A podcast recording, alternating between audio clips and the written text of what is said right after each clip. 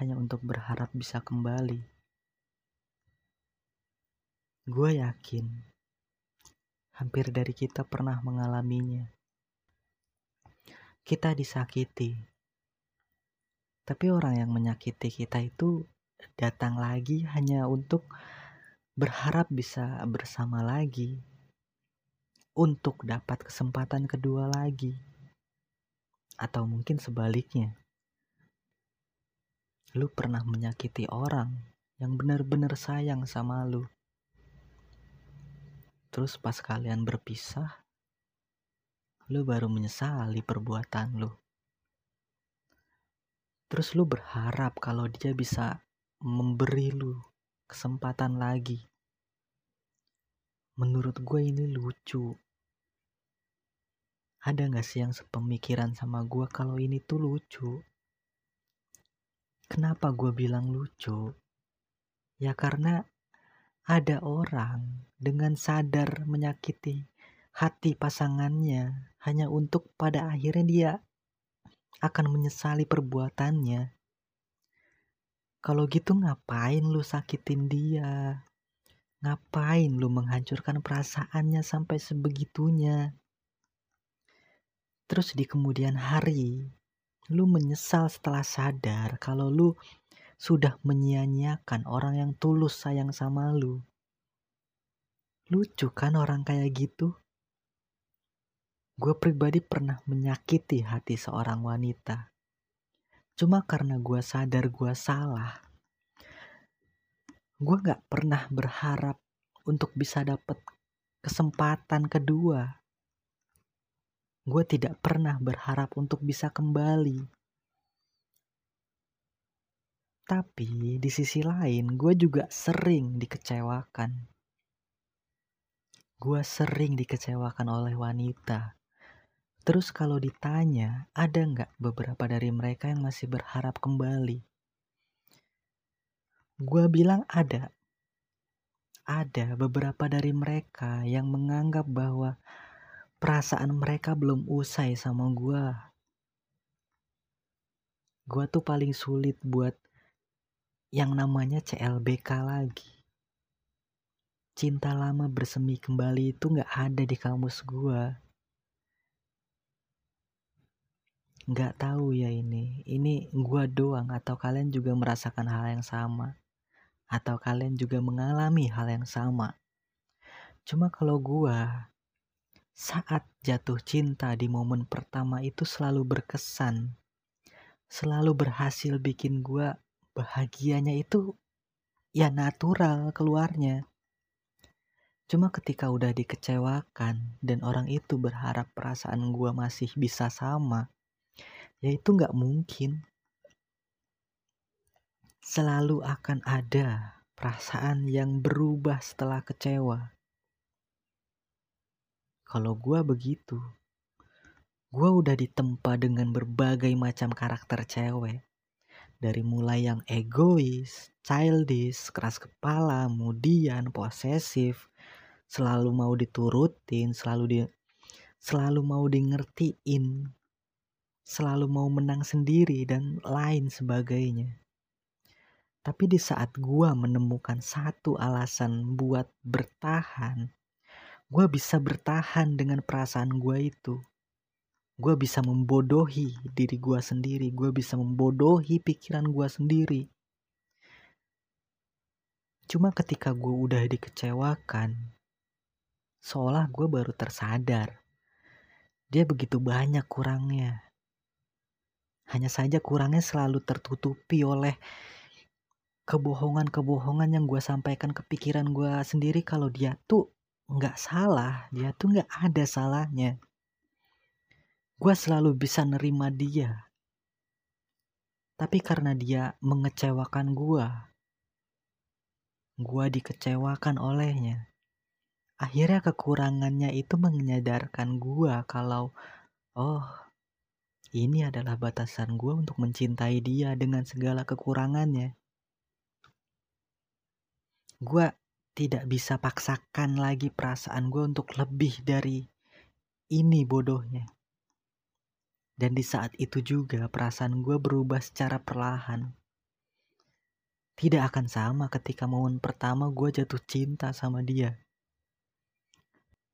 Gue tuh ketika jatuh cinta bisa sebuta itu. Gue selalu bisa menganggap si wanita ini positif vibes. Gue nggak tahu apakah kita sama untuk hal ini. Tapi gue begitu. Gue akan selalu melihat sisi positif dari wanita jika gue benar-benar jatuh cinta secinta itu sama dia. Kita tuh selalu buta ketika jatuh cinta dan baru bisa melihat kenyataan itu ketika kita dikecewakan kita tuh baru sadar kalau dia bukan pasangan yang pas buat kita atau bukan pasangan yang baik untuk kita ketika dia mengecewakan kita. Baru melihat semua kekurangannya sebagai sesuatu yang toksik abis. Dan ketika gue mendengar berbagai cerita dari mana pun, Orang ketika udah putus itu pasti yang diungkit dari pasangannya itu yang buruk-buruknya aja. Termasuk gua. Dan kita selalu menganggap itu adalah hal wajar untuk diberitahukan ke orang-orang kalau dia memang tidak sebaik itu. Dia memang tidak sebaik itu ketika bersama kita. Tapi mungkin ketika bersama orang lain, dia bisa menjadi versi terbaik dari dirinya sendiri. Dia buruk untuk kita, tapi baik untuk orang lain, dan rasanya itu tidak adil. Padahal kan hatinya sama. Hati dia sama hati ini sama. Ketika disentil, sama-sama sakit. Lalu kenapa lu malah menghempaskan hati ini seolah-olah hati ini tuh sampah. Hati dia yang berlian. Kenapa? Kan aneh. Makanya ketika berpisah itu adalah momen di mana orang-orang harus tahu kalau memang dia sejahat itu karena yang mengecewakan kita itu bisa dijadikan pelajaran untuk diri sendiri ataupun orang lain. Kalau misalkan pasangan lu udah kasar sama lu, omongannya nggak pernah ngenakin lu, terus udah main fisik kalau emang emosi, ya itu udah tanda kalau hubungan itu udah masuk di tahap toxic relationship dan lu harus punya keberanian buat keluar dari sana ketimbang lu bertahan dan makin merasakan sakit yang bukan hanya menyerang hati, tapi juga menyerang mental. Dan nantinya malah bikin lu trauma buat memulai hubungan yang baru lagi. Parah tahu efek dari dikecewakan oleh orang yang benar-benar kita sayang. Bisa bikin capek, bisa bikin trauma, bisa bikin susah percaya sama orang. Bisa bikin sedih pastinya kalau diingat-ingat.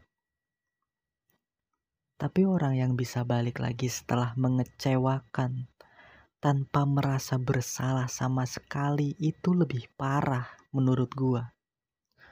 Gua pernah banget mengalaminya.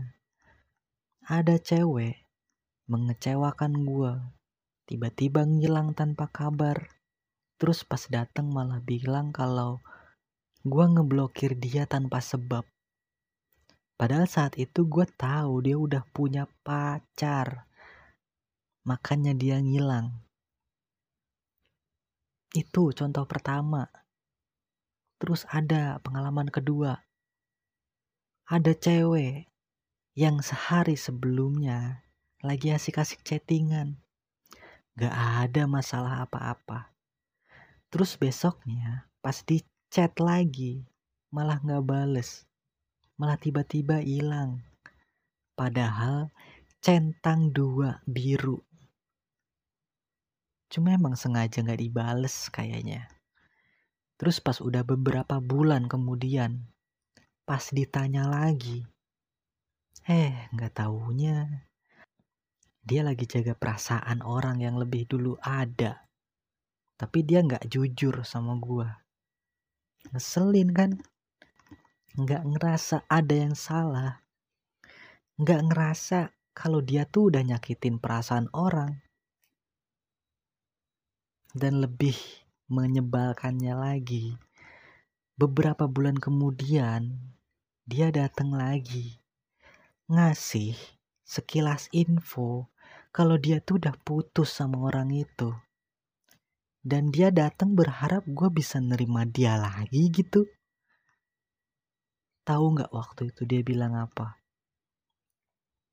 Aku tahu kok kamu masih suka sama aku.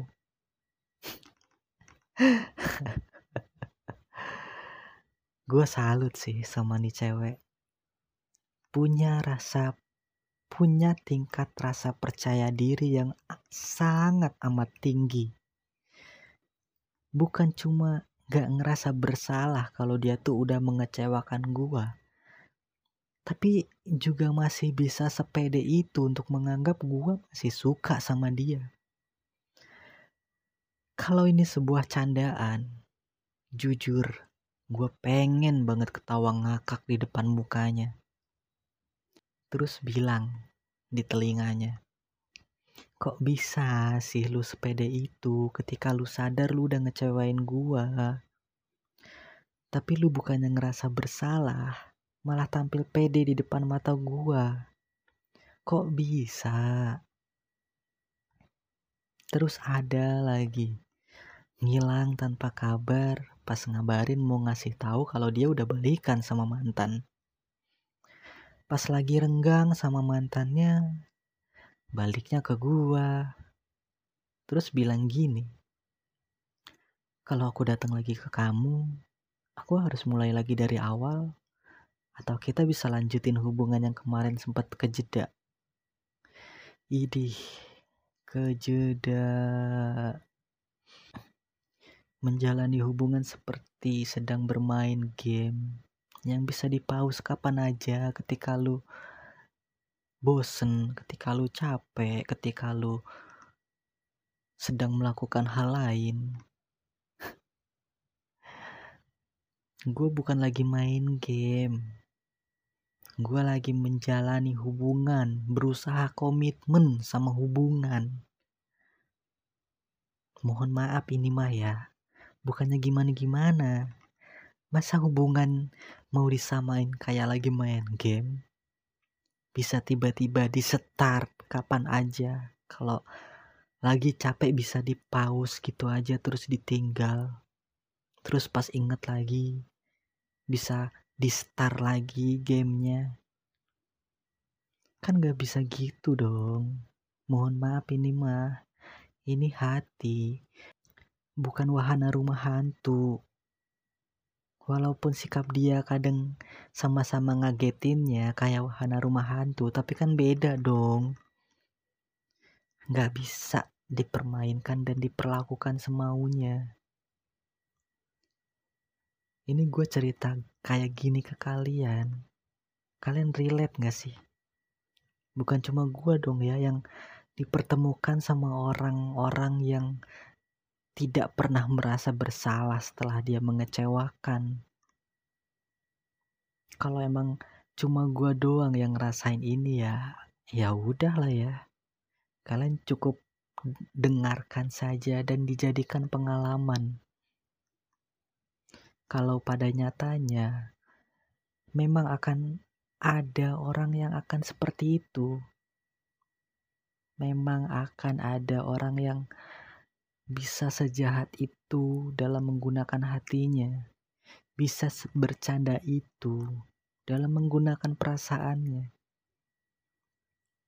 Lalu sebagai penutup podcast ini, jangan mengecewakan perasaan orang lain. Jika pada akhirnya lu akan menyesali perbuatan yang udah lu lakukan itu. Dan sadarlah resiko ketika lu mengecewakan perasaan orang itu. Lu akan kehilangan dia dan juga perasaannya. Lu tidak akan bisa meminta kembali sesuatu yang sudah hancur untuk kembali utuh supaya bisa menerima lu dan memaklumi kesalahan yang udah lu perbuat. Jadi, jangan bodoh dalam menggunakan perasaan lu sendiri. Lu punya hati yang sama seperti dia.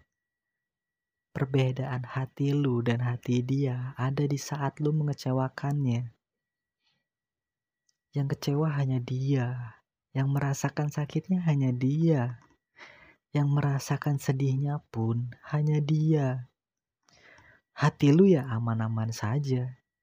Tidak merasakan apa pun selain rasa bersalah di kemudian harinya yang baru lu dapat ketika lu menyadari seberapa salah lu saat itu. Jadi, cobalah untuk saling menjaga hati, saling menjaga perasaan pasangan, dan semoga dari saling menjaga itu tidak ada hati yang terluka di kemudian harinya. Itu pesan dari gua sebagai penutup pembahasan podcast di malam minggu ini. Terakhir dari gua, gua pengen terima kasih ke kalian yang sudah mendengarkan podcast gua sampai sejauh ini. Udah tetap stay dengerin podcast gua sampai sekarang. Udah support gua juga untuk terus bertumbuh. Terima kasih banyak dan buat kalian yang baru mendengarkan Pejuang Podcast, di sini kalian bisa berbagi cerita. Atau ceritanya mau dibawakan di Pejuang Podcast itu bisa banget. Tinggal kirimkan cerita kalian ke email para pejuang podcast at gmail.com Nanti akan gue cantumkan emailnya di deskripsi biar lebih jelas. Isi emailnya bebas. Mau langsung kalian ketik di emailnya nggak apa-apa.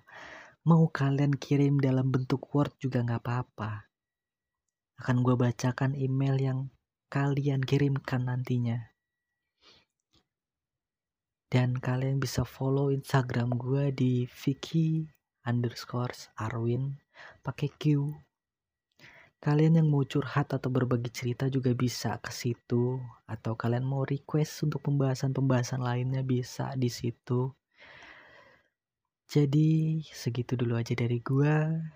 Gua pamit. Ciao.